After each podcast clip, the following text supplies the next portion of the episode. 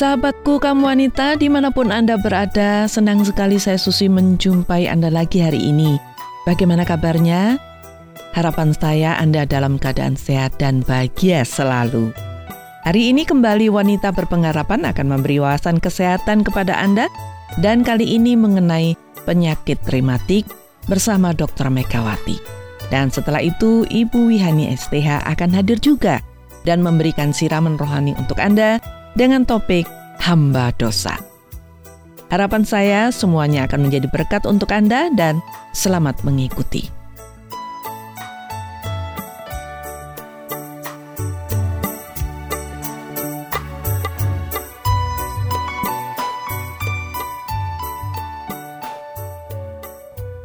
Saudara, ketika usia kita bertambah tua, ada banyak gangguan kesehatan yang kita alami. Dan salah satunya ialah rematik. Penyakit rematik banyak diderita oleh orang yang berusia 50 tahun ke atas. Dan penyakit rematik ini cukup mengganggu karena rasa nyeri dan ngilu pada sendi yang terus mengganggu. Ada banyak obat rematik yang dijual di apotek atau toko obat, tetapi kadang tidak semuanya cocok. Nah, apa sebenarnya penyebab rematik dan bagaimana mengobatinya dengan benar? Saya akan berbincang-bincang dengan Dr. Megawati mengenai penyakit rematik ini dan semoga perbincangan ini bermanfaat untuk Anda. Dan saat ini Dr. Megawati sudah duduk di samping saya. Apa kabar ini dok? Kabarnya baik dan sehat Bu hmm, Susi. Sehat ya, belum iya. terserang rematik nih sepertinya. Oh iya sudah, oh, sudah ya. sama ya. saja. Tapi kalau dokter enak ya, udah tahu bagaimana cara mengatasinya. Dok, pada umumnya orang yang sudah tua memang mulai mengeluhkan ya, nyeri atau ngilu pada sendinya dan langsung menyimpulkan, wah ini saya nih kena rematik nih. Namun tentunya tidak semua nyeri sendi atau ngilu itu rematik. Nah sebenarnya penyakit rematik itu apa dok? Sebenarnya kata rematik penyakit yang menimbulkan rasa sakit mm -mm. akibat otot atau sendi mengalami periode pembengkakan. Oh, Ada ya? peradangan ya? dan pembengkakan. Mm -mm. Nah Masalahnya itu ada 100 jenis rematik Bu Susi. Wah, 100 jenis. Jadi uh, kalau kita bicarakan mengenai ngilu pokoknya kita ngomongnya rematik saja mm -hmm, begitu ya. Mm -hmm. Tapi sebenarnya jenisnya macam-macam. Ada yang mm -hmm. mengenai anak muda namanya mm -hmm. juvenil rematik. Mm. Ada yang macam-macam. Nah, yang paling umum itu biasanya namanya rheumatoid arthritis, RA. Oh, itu, itu rematik. Ya itu salah satunya nanti kita mm akan bicarakan. Mm -mm. Terus ada juga yang namanya osteoartritis. Oh. Osteoartritis itu yang biasanya kena pada ibu-ibu badannya besar. Mm. Jadi uh, apa yang namanya sendi, itu. ya ibu-ibu yang gemuk sendi pada dengkulnya ini loh apa lututnya. Lutut, lututnya itu nggak kuat nahan gitu. Iya. Nanti kita akan lihat yang namanya itu tetap depannya ada artritisnya. Hmm, artritis, artritis itu, itu namanya radang, oh, radang, radang pada sendi. Oh gitu ya dok iya. ya. Hmm, nah ini penyebabnya apa sih dok? Penyebab apa karena usia saja atau ada penyebab lain? Nah sebenarnya penyebabnya itu adalah kekebalan tubuh. Oh gitu. Jadi hubungannya di dalam dengan... tubuh kita, uh -uh. tapi dia menyerang jaringan-jaringan kita sendiri. Jadi kekebalan kita menurun, Terus enggak, ya enggak. ya kekebalan tubuhnya meningkat malah meningkat, meningkat oh, tapi, menyerang. Oh, menyerang meningkat tubuh sendiri. Menyerang tubuh sendiri uh, gitu. Di antara penyakit rematik tuh di antaranya juga penyakit lupus itu. Oh, gitu. Jadi, Jadi akibat dari imunitas kekebalan tubuh mm -mm. kita menyerang tubuh kita sendiri. Oh, gitu. Jadi radang sendi itu kalau diperiksa Bu Susi mm -mm. ya itu kan ada gejala-gejala peradangan. Mm -mm, namanya gejala peradangan itu ada bengkak, mm -mm. ada apa? Ada bengkak, ada panas, mm -mm. namanya dolor, kalor, bengkak, mm -mm. panas. Tapi kalau diambil cairan ada cairan. Diambil mm -mm. cairannya itu steril, mm -mm. tidak ada kuman. Oh, gitu. Iya. Jadi mm. itu adalah jadi bengkak kekebalan gitu. tubuh kita sendiri menyerang diri menyerang kita sendiri. sendiri. Itu rematik. Mm. Penyebabnya yaitu Hmm, kekebalan ada tubuh yang penyebab tinggi. dari makanan atau kan orang-orang tuh bilang kalau terlalu banyak makan dingin-dingin nanti rematik. Misalnya mandi malam-malam pakai air dingin nanti rematik. Itu bukan penyebab, tapi itu bisa menjadi faktor hmm. faktor yang mendukung gitu loh, faktor yang gitu. yang menyebabkan kumat begitu. Hmm, Tapi gitu. penyebab aslinya itu adalah kekebalan tubuh uh, yang, yang menyerang tubuh kita sendiri, sendi kita sendiri hmm. itu itu ya. Nah, Di antaranya kan memang ada juga yang kita bilang kayak penyakit asam urat. Mm-mm, mm-mm. Itu kan juga seperti rematik juga, Ya, tapi ya. sebenarnya beda. beda ya. Kalau ya. asam urat makanya itu karena makan makanan Makanan, tertentu, heeh. itu baru benar. Tapi kalau Hmm. rematik ini biasanya radang sendi yang steril namanya, Hmm. radang sendi yang tanpa kuman. tanpa kuman Mm-mm. ya dok ya. Tanda-tandanya yang khas dari rematik itu apa? Kadang-kadang orang tuh kan nggak bisa membedakan antara asam urat dengan rematik. Mm-mm. Jadi kalau rematik ini yang seperti apa? Iya. Gitu. Yang rematik yang yang paling ini ya paling populer gitu ya, yang Mm-mm. namanya rheumatoid Mm-mm. arthritis itu kan sendinya bengkak, Hmm. Terus ada cairan oh begitu. dalamnya, terasa kaku Mm-mm. pada pagi hari atau setelah tidak digerakkan. Hmm. Terus kalau dipegang merah, terasa panas dan sakit. Hmm. Nah, kalau itu berkembang, ciri-cirinya itu bisa terjadi kerusakan dan perubahan yang permanen pada sendi. sendi ya. Sehingga pergerakan sendi itu terbatas. Fungsi sendi terbatas. Jadi biasanya kalau rematik lama-lama itu untuk menggerakkan kanan kiri ke atas ke bawah ini sudah mulai terbatas. Hmm. Gitu. Gitu. Dan untuk rematik ini dia bisa kena di luar sendi. Artinya di mana aja itu di luar bisa sendi? anu, ginjal rematik, jantung Oh. rematik, Oh, bisa ke gitu ya? kulit, bisa ke mata. Oh. Iya. Hmm. Ada lelah, demam, nyeri otot, Hmm. nafsu makan berkurang. Nah, itu bisa juga menjadi jantung rematik. Oh begitu. Jadi Kalau- bukan sendi-sendi aja, Bukan jantung sendi-sendi juga bisa aja. Ini rematik khusus ya. rematik yang rheumatoid Hmm. arthritis itu. Biasanya Bu Susi itu kena pada sendi-sendi kecil. Jadi Hmm. di- jari-jari, di jari-jari gitu ya, di Mm-mm. jari-jari. Itu rasanya Ka- memang tangan dan kaki ya dok ya, jari-jari Heeh, bisa ya, dua-duanya rasanya ya. nyeri gitu. Mm-mm, nyeri. Itu yang rheumatoid Mm-mm. arthritis. Yang kedua yang ini yang umum saja ya, yang Mm-mm. paling banyak gitu, Mm-mm. osteoartritis namanya. Hmm, itu Itu penyakit persendian. Jadi biasanya di leher, lehernya Oh, kaku, kaku panggul, ya. terus di panggul itu. kaki. Sebabnya karena penuaan. Hmm, Jadi itu sakit sendi, bengkak juga, kaku juga hmm, di gitu sendi ya, di sama. sendi ya, Jadi sama. hampir itu bisa seluruh sendi ya dok ya. bisa seluruh sendi, Hmm, bisa seluruh hmm. sendi.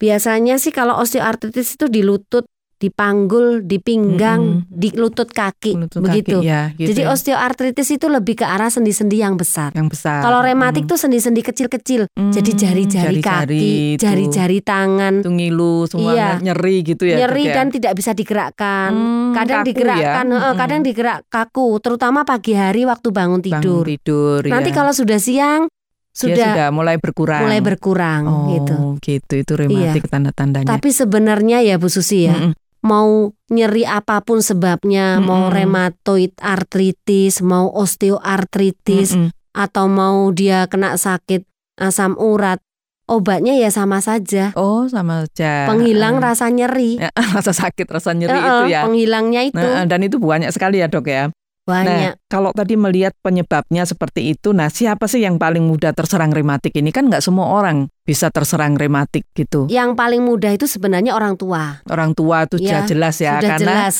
faktor usia itu organ-organnya sudah fungsinya sudah menurun gitu atau Iya. bagaimana, Dok? Iya, memang seperti itu. Mm-mm, mm-mm. Ya, dan juga kan hidupnya sudah lama, mungkin digunakan capek ya tulang iya, digunakan badannya ini sudah Heeh. Panjang. Tapi Mm-mm. khusus rematik, yang namanya rematik itu ada rematik yang menyerang pada anak muda. Hmm, ada ya. Ada 14-15 Mm-mm, tahun, mm-mm. itu biasanya keturunan. Oh, gitu. Genetik. Mm, Genetik, Genetik, ya. iya. Jadi itu apa yang terserang? Loh ya seluruh Seluruhnya? tubuhnya. Oh, Jadi Mm-mm. biasanya anak-anaknya bisa anak ini biasanya meninggal dunia hmm. karena sebenarnya bukan rematiknya, tapi Mm-mm. karena minum obat-obatan anti rematiknya. Oh, karena kan sakit semua iya, seluruh iya, tubuh. Betul, betul. Jadi rematik itu ada periodenya Bu Susi, ada Mm-mm. periode sakit, ada periode sembuh yang namanya remisi. Nanti ada periode sakit lagi Kambuh gitu, lagi. kambuh lagi. Oh. Nah, ini bisa katanya dipengaruhi cuaca, Mm-mm. dipengaruhi oleh makanan, Mm-mm. tapi Mm-mm. bukan secara langsung. Oh, begitu Nah, ya, Dok. ya. Biasanya kan Mm-mm. akhirnya anak-anak ini kan diberi obat. Mm-mm, Nah, diberi obat lambungnya nggak tahan bisa Mm-mm. pecah perdarahan. Itu. Oh, itu. Jadi yang Ada anak muda meninggal itu karena obatnya, bukan Karena karena, obatnya, penyakitnya bukan itu. karena rematiknya. Mm-mm. Nah, sekarang bagaimana sih mengobati yang baik? Kan biasanya orang itu langsung beli obat hilang rasa sakitnya. Iya, Terus nanti muncul lagi. Iya. Berarti itu kan rematiknya nggak bisa disembuhkan gitu. Pada kenyataannya memang tidak bisa. Hmm, jadi obat-obat yang menahan sakit itu sudah betul ya? Sudah betul. Hmm. Hanya obat-obat penahan sakit itu kita harus cari yang paling tidak berbahaya untuk lambung. Oh, mesti begitu. makan dulu, mesti, mesti dulu ya. Ada obat itu hmm, cara masuknya. Misalnya begini, lambungnya sakit, tidak bisa minum berarti melalui dubur. Hmm, Sudah bisa, ya. canggih ya. seperti itu. Hmm, hmm, Tapi kalau misalnya dikatakan untuk benar-benar sembuh 100% belum pernah ada. Belum pernah ada ya. ya. Bisa dicoba dengan cara seperti ini. Pada kedokteran yang modern itu diberi pil untuk membuat kekebalannya orang ini malah turun. Turun supaya tidak menyerang tubuhnya sendiri iya. gitu. Nah, kalau kekebalan ini turun, itu jadi masalah juga karena ada flu, ada pilek iya, jadi sering gampang. mudah sakit. Tapi itu caranya. Jadi nanti pada pengobatan Jadi orang tinggal milih aja mau sakit terus rematiknya atau mau kena flu atau apa gitu. Enggak. Kalau misalnya daya tahan tubuhnya turun kan dia gampang kena flu. Ya bukan hanya flu saja kan, macem penyakit ya? macam-macam hmm. gitu loh. Infeksinya sampai ke mana-mana seperti hmm. orang AIDS.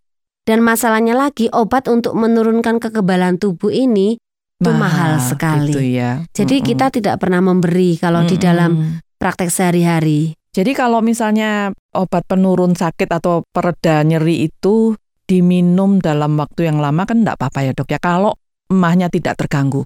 Sebenarnya diminum dalam waktu yang lama ya mestinya tidak boleh, tidak hmm, bisa. Tidak bisa. Iya. Dia mengganggu ginjal ya. Iya, mengganggu semuanya, hmm, semuanya. akhirnya gitu loh. Hmm. Ya kalau dokter kan banyak pertimbangannya nanti hmm. apakah dia lama atau tidak. Nah, masalahnya kan pasien ini kadang-kadang sekali ke dokter setelah itu dia membeli obat sendiri ya, seperti sendiri. Oh, itu. Oh, sudah tahu namanya beli iya. sendiri gitu Dan ya. Dan meminum dalam jangka panjang, panjang itu tidak baik. baik ya, dok, ya. Harus ya. tetap ke dokter. Nah, sekarang untuk mencegah supaya imun tubuh kita ini tidak menyerang tubuh kita sendiri ada nggak dok caranya? Sebenarnya mencegahnya bukan imunnya. Kalau imunnya itu kita tidak bisa apa-apa. ya. ya, karena itu adalah proses di dalam dan hmm. itu genetik. Tapi ada faktor-faktor yang menyebabkan imun itu jadi imunitasnya atau orang jadi lebih mudah sakit. Misalnya stres. Hmm. Ya. Jadi makanya untuk mencegahnya ya kurangi stres. Hmm. Orang stres itu sebenarnya menurut teori stres itu kan kekebalan jadi turun. Turun. Sebenarnya ya, seperti sebenarnya itu. seperti itu. Jadi ya. kan baik kalau turun. Sebenarnya Untuk baik. rematik ya. Iya. Di samping yang lain mungkin kekebalannya turun, tapi stres ini juga menyebabkan tubuh mengeluarkan zat-zat lain yang juga menyebabkan memperparah rematik ini. Oh, Jadi gitu. yang lebih baik pokoknya tidak stres. Jangan stres itu yang iya. utama ya dok ya. Olahraga. Tapi orang tua itu loh banyaknya stres aja apa sedikit dipikir jadi stres gitu. Sebenarnya ya keliru ya keliru, kalau orang tua dipikir ya. sedikit jadi stres karena orang tua itu kan sudah mengalami semuanya hal. Mestinya kalau sudah tua itu ya sudah terima aja ya menikmati untuk diri sendiri gitu loh. Hmm, Besarkan gitu anak-anak, ya. anak-anak sudah, sudah besar. besar. Masa kita mau pikirkan? oh, gitu. stres terus ya. Iya, jadi stresnya itu, dikurangi. Stres. Uh, kemudian harus olahraga, hmm, istirahat olahraga, yang ya. cukup. Hmm, istirahat itu. Ya, dan dietnya seimbang, seimbang, artinya tidak ngawur juga. Ngawur, jadi itu oh. sebenarnya membantu, mencegah. Membantu ya, supaya jangan kambuh-kambuh terlalu sering ya dok ya. Iya. Seperti itu. Ya baik dok, terima kasih banyak untuk wawasan mengenai rematik ini. Semoga ini bermanfaat ya bagi pendengar khususnya bagi mereka yang sudah berusia di atas 50 tahun, jadi mengerti ya, jadi yeah. bisa mencegah dan mengobati dengan baik. Terima kasih banyak, sampai jumpa di program berikutnya dok ya. Iya, sampai jumpa Susi.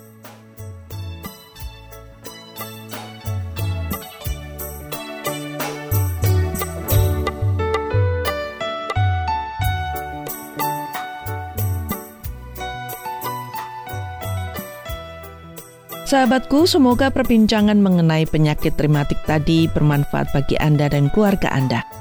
Tetaplah bersama Wanita Berpengharapan karena sesaat lagi Ibu Wihani STH akan memberikan siraman rohani untuk Anda. Dan sebelum itu, mari kita bersama-sama mendengarkan sebuah lagu berikut ini dengan judul Dia Tinggalkan Surga Mulia. Selamat mendengarkan dan semoga Anda terhibur.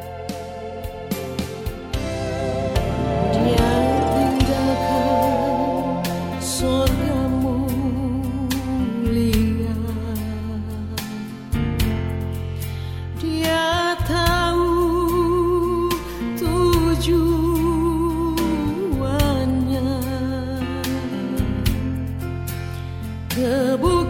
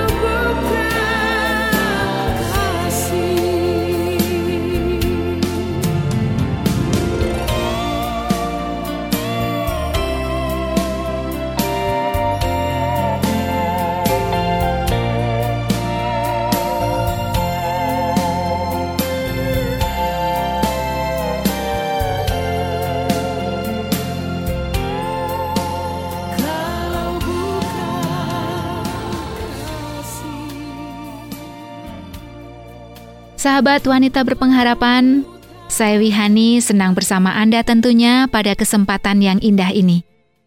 Saya yakin pengetahuan tentang kesehatan jasmani, khususnya tentang penyakit rematik yang dibawakan oleh Ibu Susi dan Dr. Megawati tadi, sangat bermanfaat bagi kita semua. Nah, sekarang jiwa kita pun membutuhkan kesehatan tentunya. Kali ini, saya akan membagikan renungan buat kita semua dengan topik hamba dosa. Sahabat, setiap orang pasti tahu arti kata hamba ya. Anda juga pasti tahu apa arti kata hamba. Hamba berarti abdi atau budak. Seorang hamba tentu memiliki tuan, dan ia hanya mengerjakan apa yang dikehendaki atau diperintahkan tuannya. Seorang hamba harus taat kepada tuannya. Ada berbagai macam kiasan mengenai hamba. Ada yang disebut hamba hukum, yang berarti ia petugas hukum. Ada hamba nafsu, yaitu orang yang suka menuruti hawa nafsunya. Ada juga hamba uang, yaitu orang yang melakukan segala sesuatu demi uang, dan lain sebagainya. Sahabat, dalam Injil Yohanes pasal yang ke-8 ayat yang ke-34, Tuhan Yesus mengatakan, Aku berkata kepadamu, sesungguhnya setiap orang yang berbuat dosa adalah hamba dosa. Tuhan Yesus mengatakan kalimat ini di depan orang banyak yang mengikutinya. Dan mereka mengatakan kepada Yesus, bahwa mereka bukanlah hamba siapa-siapa. Mereka adalah orang merdeka. Tetapi Yesus mengatakan bahwa setiap orang yang berbuat dosa adalah hamba dosa. Dan kita tahu, tuan dari seorang hamba dosa ialah iblis. Karena hamba dosa akan menuruti perintah iblis sebagai tuannya. Dan bila seseorang menjadi hamba dosa, ia tidak akan mendiami surga atau kerajaan Allah, karena surga hanya dihuni orang-orang yang suci. Dan upah dari seorang hamba dosa adalah hukuman kekal. Ini sungguh menyedihkan, bukan? Kita tahu bahwa kita adalah orang berdosa karena kita dilahirkan dalam keberdosaan manusia, apalagi banyak melakukan perbuatan dosa. Dengan demikian, secara otomatis kita adalah hamba dosa. Tetapi kita patut mengucap syukur ada Tuhan Yesus yang akan memerdekakan kita dari hamba dosa. Apabila kita percaya kepada Tuhan Yesus, dan kita akan disucikan oleh penebusan yang dilakukan oleh Tuhan Yesus.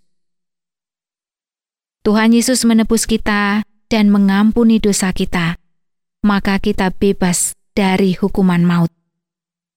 Sahabat yang saya kasihi, Tuhan Yesus adalah Juru Selamat kita. Ia telah lahir di dunia 2000 tahun yang lalu dan mati di kayu salib, kemudian bangkit kembali dari kubur dan naik ke surga. Semua itu ia lakukan demi kasihnya kepada umat manusia yang diciptakannya. Ia tidak ingin seorang pun menjadi budak iblis dan menerima hukuman maut. Ia tidak ingin seorang pun menjadi hamba dosa dan terbelenggu oleh kuasa iblis. Tuhan Yesus ingin setiap orang bebas dari kuasa iblis. Tetapi ada satu syarat yang harus dilakukan umatnya bila ia ingin bebas dari perbudakan atau perhambaan iblis. Ada satu syarat yang harus dipenuhi oleh siapa saja orang yang tidak ingin menjadi hamba dosa lagi. Apakah syarat yang harus dipenuhi itu?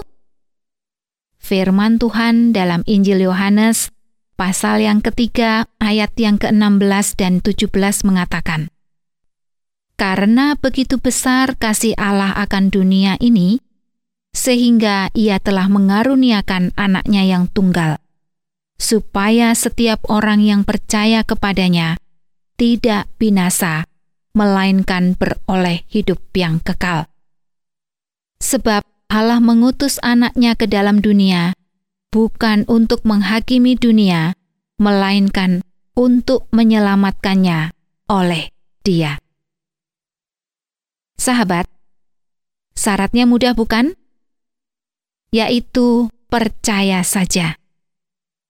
Setiap orang yang percaya kepada anak tunggal Bapa, yaitu Yesus Kristus, tidak akan binasa, melainkan beroleh hidup yang kekal. Tuhan Yesus telah diutus ke dunia ini untuk menyelamatkan umat manusia dari kebinasaan dan memerdekakan manusia dari perhambaan dosa. Tuhan Yesus diutus ke dunia ini untuk memerdekakan orang berdosa dari hukuman kekal. Sahabatku, tentu kita tidak ingin menjadi hamba dosa, bukan? Kita pasti memilih menjadi hamba Tuhan. Karena kita tahu sekarang bahwa menjadi hamba dosa itu sama saja membawa diri kita sendiri jauh dari kehidupan kekal. Sebaliknya, menghantar kita untuk menerima hukuman kekal. Maka, pertanyaan penting buat kita sekarang ini adalah: sudahkah kita percaya kepada Tuhan Yesus Kristus? Sudahkah kita menjadi anak Allah? Bila Anda sudah percaya kepada Yesus sebagai Tuhan dan Juru Selamat, maka jangan lepaskan kepercayaan itu. Peliharalah kepercayaan itu sampai kedatangan Tuhan yang kedua kalinya sebagai raja yang akan membawa orang-orang yang setia ke surga bersamanya. Tapi bila Anda belum juga percaya kepada Tuhan Yesus sebagai Tuhan dan Juru Selamat pribadi Anda, jangan gelisah. Saat ini, Tuhan Yesus sedang menunggu kedatangan Anda untuk menyatakan bahwa Anda mau percaya kepada Dia. Katakanlah, bahwa Anda juga percaya Yesus sebagai anak tunggal Allah yang diutus ke dunia untuk menyelamatkan Anda dari hukuman kekal.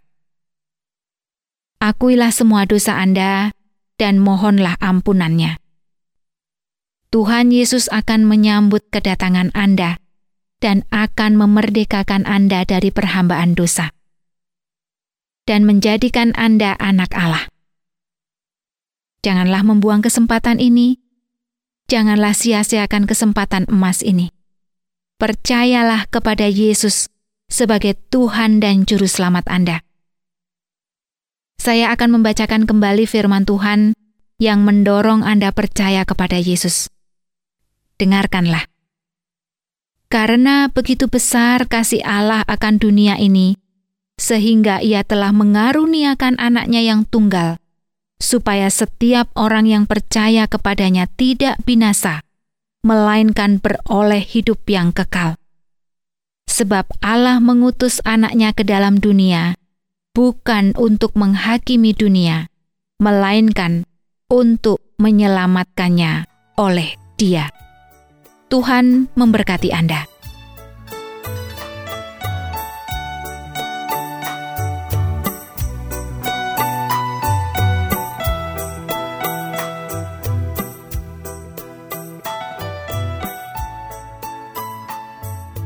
Terima kasih sahabat wanita berpengharapan sudah setia bersama kami dan kita harus berpisah karena waktu kita telah habis.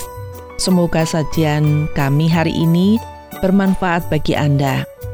Dan bila Anda ingin menanggapi acara ini atau ingin membagikan pengalaman rohani Anda, langsung saja hubungi Wanita Berpengharapan melalui SMS atau WA ke nomor 081 333 777 Saya ulangi nomornya 081 333 777